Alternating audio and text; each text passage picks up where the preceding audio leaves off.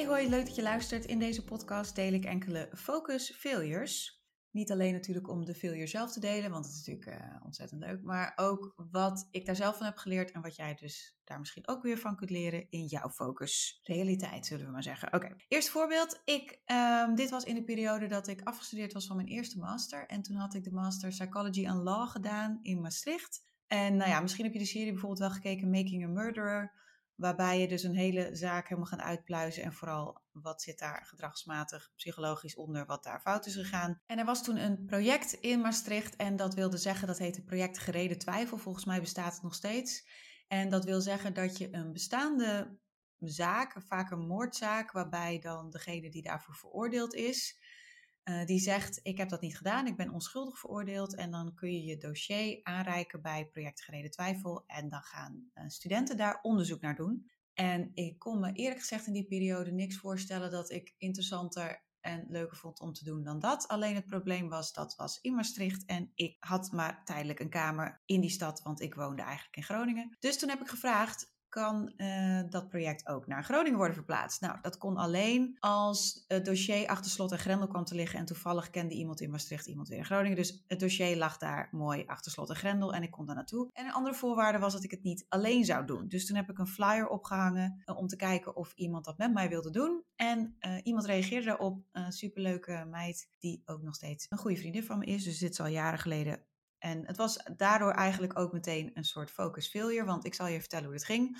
Wij gingen dus dan s ochtends spraken we af. We haalden dat dossier uh, bij een hoogleraar daar in dat gebouw uit de kluis. Ik kende dit gebouw ook verder niet. Het was van een hele andere opleiding. En dan gingen we in een hokje zitten, want we hadden dan zo'n ruimte gereserveerd in de bibliotheek. En dan gingen we daar zitten om gefocust met het dossier aan de slag te gaan. Alleen we hadden het veel te gezellig.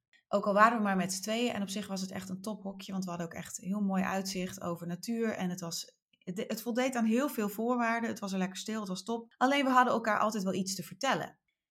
Uh, dus daardoor lukt het eigenlijk niet om echt, in ieder geval, al is het zeg maar 20 minuten in één ruk uh, gefocust daaraan te werken. Want dan zaten we elkaar weer en lazen we weer iets interessants en zaten we elkaar eigenlijk weer af te leiden. Dus wat hebben we toen gedaan? Uh, sowieso begonnen we de dag even met, met kletsen belangrijk. Dan heb je dat al uit je systeem. En dan maakten we eigenlijk een soort afspraak van, nou ja, om zoveel uur, dus zeg maar dat we om half negen echt gingen beginnen, dat we zeiden om half tien, dan delen we X en Y over dit stuk. Dus we spraken echt met elkaar af wat we in dat uur gingen doen en wat we dan met elkaar zouden delen. En wat we daarna ook even zouden doen. Dus oké, dan gaan we het met elkaar delen, bijvoorbeeld met een, een kop koffie, zoiets. Dus dan had je en iets om naar uit te kijken en dus even echt een doel om daaraan te werken. En uh, dus dat werkte voor ons heel goed. En dat is ook iets wat ik ook nog steeds veel toepas. Dus dat ik eigenlijk met mezelf afspreek: ik ga nu zo lang werken. En als ik zo lang gewerkt heb, gefocust gewerkt heb, dan heb ik dit af. En daarna mag ik. Dus ik geef mezelf eigenlijk een soort beloning die ik in het verschiet stel. En dus ook een hele concrete taak die ik in dat tijdblok ga doen. Ik heb er ook nog een hele handige timer voor. Dat is een soort Cubus timer. Als je daar geïnteresseerd in bent, stuur me even een DM, want het is echt een superleuk ding en het is super analoog. Dus dan hoef ik ook niet een timer te zetten met mijn telefoon, waarbij ik weer denk, oeh, wat een leuk appje. En dan gaan mijn vingers er al naartoe voordat ik het door heb. Dus uh, ik zorg ook altijd voor dat ik zo analoog mogelijk blijf. Lekker offline, zoveel mogelijk. Dus daarom uh, de Cubus timer en die zet ik dan voor het tijdblok dat ik heb. Ik moet zeggen dat ik dus nog wel heel vaak later ook nog in die biep heb gezeten. Dus dit is een soort bonus tip. Waarom? Omdat dit dus van een faculteit was waar ik zelf niet had gestudeerd. Dus dat was fijn, want ik kwam dus nooit bekenden tegen. Hoe leuk dat ook is, dat kan natuurlijk ook een soort afleider zijn. Ik had heerlijk uitzicht op natuur. Dat is een belangrijke voorwaarde voor mij om ook gefocust te kunnen werken. Ik vind het heel fijn. Goed, rustig uitzicht, geen beweging. En het waren lekker grote tafels, want ik hou er dus ook van om lekker dingen uitgespreid voor me te hebben liggen alles wat ik nodig heb. Dus dat ik ook niet hoef te graaien in mijn tas of zo om het te pakken. Dus dat was eigenlijk de eerste focus failure en hoe we die te pakken hebben genomen. Man, dit was ook een superleuke periode, maar goed. Oké, tweede focus. Ik heb hem genoemd I need randvoorwaarden. ik weet nog heel goed dat ik voor het eerst het boek Deep Work las. Nou, dat boek kun je heel veel over zeggen, maar wat ik heel tof vind is dat het gewoon helemaal inzoomt op hoe je zo gefocust mogelijk zou kunnen werken. En dat gaat dus soms best wel in het extreme, maar dat vind ik dus altijd juist zo interessant, want dan inspireert me dat om in ieder geval een light versie daarvan te proberen, of in ieder geval om te kijken hoe anderen dat doen. En ik had het dus gelezen en toen dacht ik dus wel even, omdat het dus de eerste keer was, van oh, dit kan ik exact ook hoor. Ja, En ik weet nog dat het ging ook over urenlang focustijd afvinken. Dus dat je dan ging van drie uur op een dag naar vier uur op een dag, naar zes uur op een dag. En ik denk, nou, dat kan ik ook. Dus um, zat ik een paar uur in de trein van Groningen naar Den Haag. Nou, dan kan ik natuurlijk ook prima gefocust werken. Toch? Alle kansen voor. Um, en als ik ook dacht van, nou ja, weet je, uh, ik heb nu een vergadering en dan heb ik een uurtje even niks en dan weer een vergadering. Nou, dan kan ik dat vast ook. Komt allemaal goed. En uh, dat was dus niet zo. Dus ik heb heel erg gemerkt dat ik bepaalde randvoorwaarden nodig heb om te kunnen focussen. En eentje daarvan is bijvoorbeeld dat, uh, nou ja, als we het even puur hebben over randvoorwaarden op een bepaald moment die je nodig hebt. Een heel concreet voorbeeld daarvan is, is dat ik nu op mijn werkkamer zit. Dan heb ik twee van die grote schermen heb ik in geïnvesteerd. En dat heb ik echt heel erg nodig om niet de hele tijd te hoeven wisselen van scherm.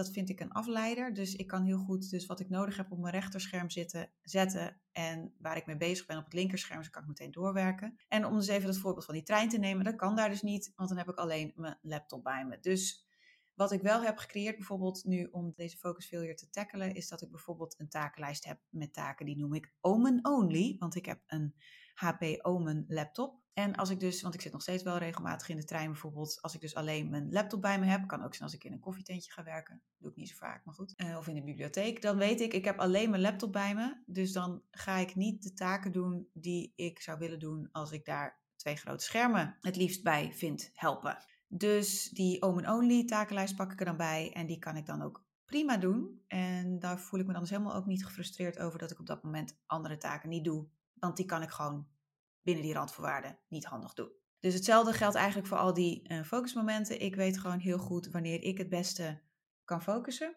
En die benut ik ten volle en vlam en knal en weet ik het allemaal niet voor modus. Maar als ik ook donders goed weet dat dat dus niet werkt, bijvoorbeeld dus tussen die twee vergaderingen, dat is me echt nog nooit gelukt, dan kan ik wel heel goed andere dingen doen. Dus ik gebruik vaak dat soort loze uurtjes. Loze uurtjes, een uur kan natuurlijk heel nuttig zijn, maar voor mij geldt dat op dat moment niet uh, gebruikte ik voor een goede pauze. Dus echt even weg bij mijn scherm, even helemaal offline, even naar buiten, een rondje van vijf minuten, even koffie halen of even iets printen. Deed ik ook nog wel eens helemaal aan de andere kant van het gebouw. Dus dan heb ik en een doel en even een wandelingetje. Of ik gebruikte dus voor die dingen uh, wat ik ook prima kan doen als mijn focus er niet is. Dus ik ging bijvoorbeeld een paar e-mails beantwoorden. Maar het is me echt nog nooit gelukt om uh, dan zou je zeggen van jij bent toch de focus-expert, jij moet het toch kunnen. Nee, het is me nog nooit gelukt om echt zeg, 6, 7, 8 uur op een dag gefocust te werken. Het is, ik moet wel zeggen dat bij bepaalde taken dat ik in een soort flow kan komen. Dus dan is het wel mogelijk om dat echt uren achter elkaar te doen. Maar je maakt, je wordt ook vanzelf dat je jezelf beter leert kennen, ook veel realistischer in wat kan of niet. En dat je dus ook veel beter weet wanneer je kunt vlammen en wanneer dus ook niet. Dus uh, I need randvoorwaarden en als die randvoorwaarden er niet zijn, heeft het gewoon geen zin. Dus dat is eigenlijk mijn tweede focus. Veel waar ik heel veel van geleerd heb. Derde focus failure. Uh, embrace your nerdness heb ik hem genoemd. Uh, dit was in de periode dat ik onderzoeker was. En daar was ook een onderdeel bij van mijn werk dat ik veel moest doen in SPSS. Ik weet niet of je dat kent, maar dat is een statistiek programma. Dus daar doe je eigenlijk, zet je al je data in en dan kun je analyses op draaien. En heel veel mensen vinden dat verschrikkelijk werk. Dus die hebben daar helemaal geen zin in. En er moesten ook altijd grafieken gemaakt worden. En er hebben heel veel mensen ook helemaal geen zin in. Maar embrace your nerdness, want ik vond dat dus wel heel leuk om te doen. Wat ik wel lastiger vond, waar ik echt focusmodus voor nodig had, was de rapportage schrijven. Dus dat je echt naar de grafieken kijkt, naar de analyses kijkt en dat je daar dus een beeld van vormt. En in een paar zinnen eigenlijk kunt zeggen waar het nou echt in zit. Wat is nou eigenlijk het concrete onderzoekresultaat? Dus daar moest ik echt even voor gaan zitten. En wat ik eigenlijk deed was uh, dat ik het een beetje afwisselde met elkaar. Dus ik deed, uh, dan ging ik even een grafiekje maken en dan ging ik even in statistiek een analyse draaien en dan ging ik daarna denken, goh, wat moet ik hier nou eens over rapporteren? Nou, en dat was eigenlijk dus helemaal niet handig. Dus ik heb er eigenlijk twee dingen van geleerd. Punt 1, gestapeld werken. Dus alle grafieken in één keer maken. Alle analyses in SPSS fixen en alle rapportages bij elkaar doen. Dus veel meer in één programma werken en dingen gestapeld batch processing afmaken. Dat is het eerste. En het tweede dat ik ervan heb geleerd is, als je dus weet dat je ergens uh, embrace your nerdness, dus dat je daar eigenlijk blij van wordt om het te doen, dat je dat dus bewaart voor de moment op de dag waarbij je ook wel weet dat daar niet jouw beste focusmoment ligt. Dus ik ging eigenlijk de dag beginnen met wat ik dus leuk vond. Dus ik ging eerst lekker die grafieken doen en statistiek en dat soort dingen. Um, maar dat heb ik dus later omgedraaid. Dus ik heb mijn focusmodus en die zat vooral ochtends. Die gebruikte ik dan voor die rapportages. Dus echt met de koffie erin. En daar kon ik eigenlijk in korte tijd heel veel doen. Want dit is typisch iets wat je wel kunt proberen te forceren. Maar dat lukt gewoon helemaal niet. En dan ging ik dus in de middag juist uh, de nerdness doen, dus dan de grafieken. Dus dan was het eigenlijk en een soort beloning, want ik had dus dan ochtends die rapportage al gedaan, goed gevoel over de ochtend. En dan kon ik smiddags eigenlijk prima in lagere energie alsnog die grafieken doen, want ik vond het leuk om te doen, dus een beloning. En ik, zoals ik al zei, eigenlijk, ik kon het dus ook prima doen op lagere energie. Dus dat was eigenlijk een veel betere manier van werken. En daardoor kon ik ook in veel kortere tijd eigenlijk uh, mijn onderzoekstaken afronden. Dus heel veel van geleerd. Nu ben ik geen onderzoeker meer, of in die zin, ik ben nog steeds wel embrace the nerdness, dat ik nog helemaal in die wetenschappelijk onderzoek duik, maar dan dit keer over focus, afleiding, productiviteit, uh, dat soort dingen. Uh, maar dan uh, gebruik ik het eigenlijk dus inderdaad nog steeds. Dus dat ik bepaalde nerdness heb dus ik vind het ook heel leuk om bijvoorbeeld met designachtige dingen te doen. Dat ik dan weer gebruik voor de planners die ik maak. Maar dan doe ik dat dus niet ochtends, maar dat doe ik smiddags omdat ik het zo leuk vind om te doen. Dat ik dat dus beter kan doen op de tijdblokken. Dat ik dat makkelijk kan doen. En dat ik dus de tijdblokken waarbij ik heel gefocust, uh, heel makkelijk kan werken. Dat ik dan dus juist even die taken doe waar ik echt even voor moet gaan zitten. Dus die ik zelf ook gewoon lastiger vind om te doen. En dan doe ik ze eigenlijk altijd vrij snel. En dan valt het ook altijd mee, hè? Zul je altijd zien. Dat je denkt, ik zit er tegenaan tikken, ik heb er geen zin in, ik wil niet. Maar dan ga je ervoor zitten. En dan is het zo klaar. Ook iets wat ik vaak van mijn klanten hoor. Oké, dan nog een focus failure, nummer vier. Uh, ik hou heel erg van windsport, van skiën. Als je me vraagt over wat, wat is de closest thing to freedom, dan vind ik dat altijd Heel veel sporten kan ik helemaal niet, maar uh, skiën kan ik in al mijn bescheidenheid eigenlijk best wel goed. En ik vind het zo heerlijk om van zo'n berg af te scheuren. Echt fantastisch. Dus uh, skiën vind ik heerlijk. Maar wat ik eigenlijk altijd deed, want we zijn, um, mijn ouders zijn begonnen met op windsport te gaan toen was ik acht.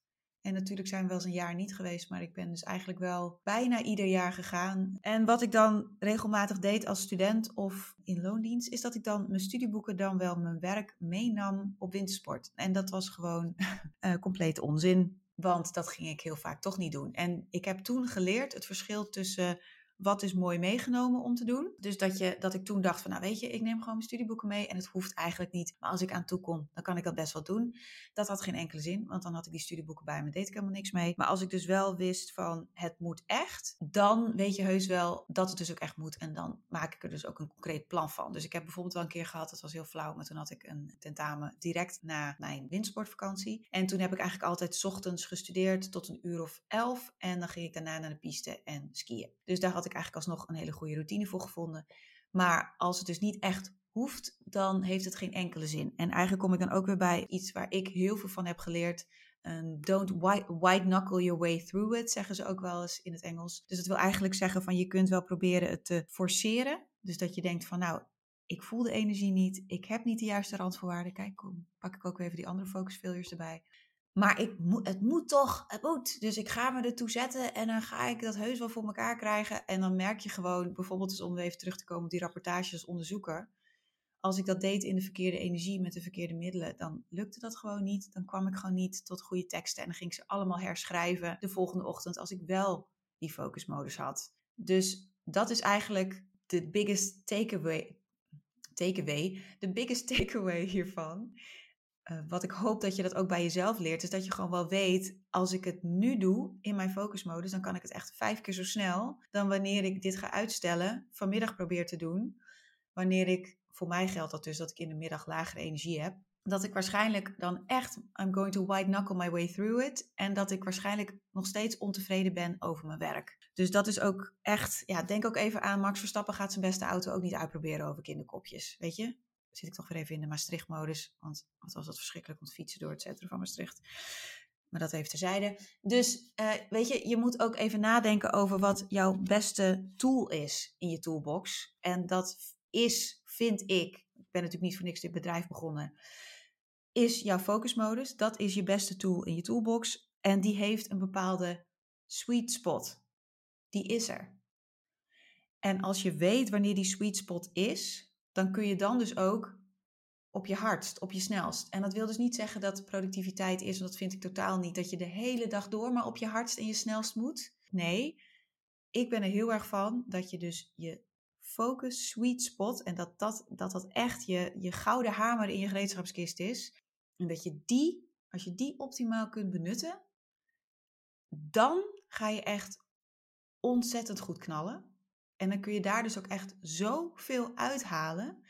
Want ik voel me dus ook in de middag, als ik dus meer die taken doe die ik leuk vind om te doen, die ik ook gewoon met minder energie kan doen, daar voel ik me dan dus ook helemaal oké over. Want ik heb dus die sweet stop, sweet stop, sweet spot optimaal benut. Wat zou je, laten we het zo zeggen, als jij jouw gouden hamer erbij pakt, weet je hoe die eruit ziet? Weet jij wat jouw focus sweet spot is? Dat is dan eerst even belangrijk. En weet je wanneer je dus op die spijker moet gaan lopen, lopen rachen? Wanneer is het goede moment? En wat ga je dan doen? En hoe ziet die hamer eruit? Nou ja, en dat is dus niet voor niks dat ik daar dus mijn aanbod volledig op heb gefocust. Dus als je daar nieuwsgierig naar bent, kijk dan even op planensimpel.nl. Dus dit waren eigenlijk mijn focus failures en waar ik dus ook heel veel van heb geleerd. En eigenlijk als ik er nu bij nadenk, dat is dus sommige dus echt jaren geleden, waarvan ik de inzichten nu nog steeds gebruik.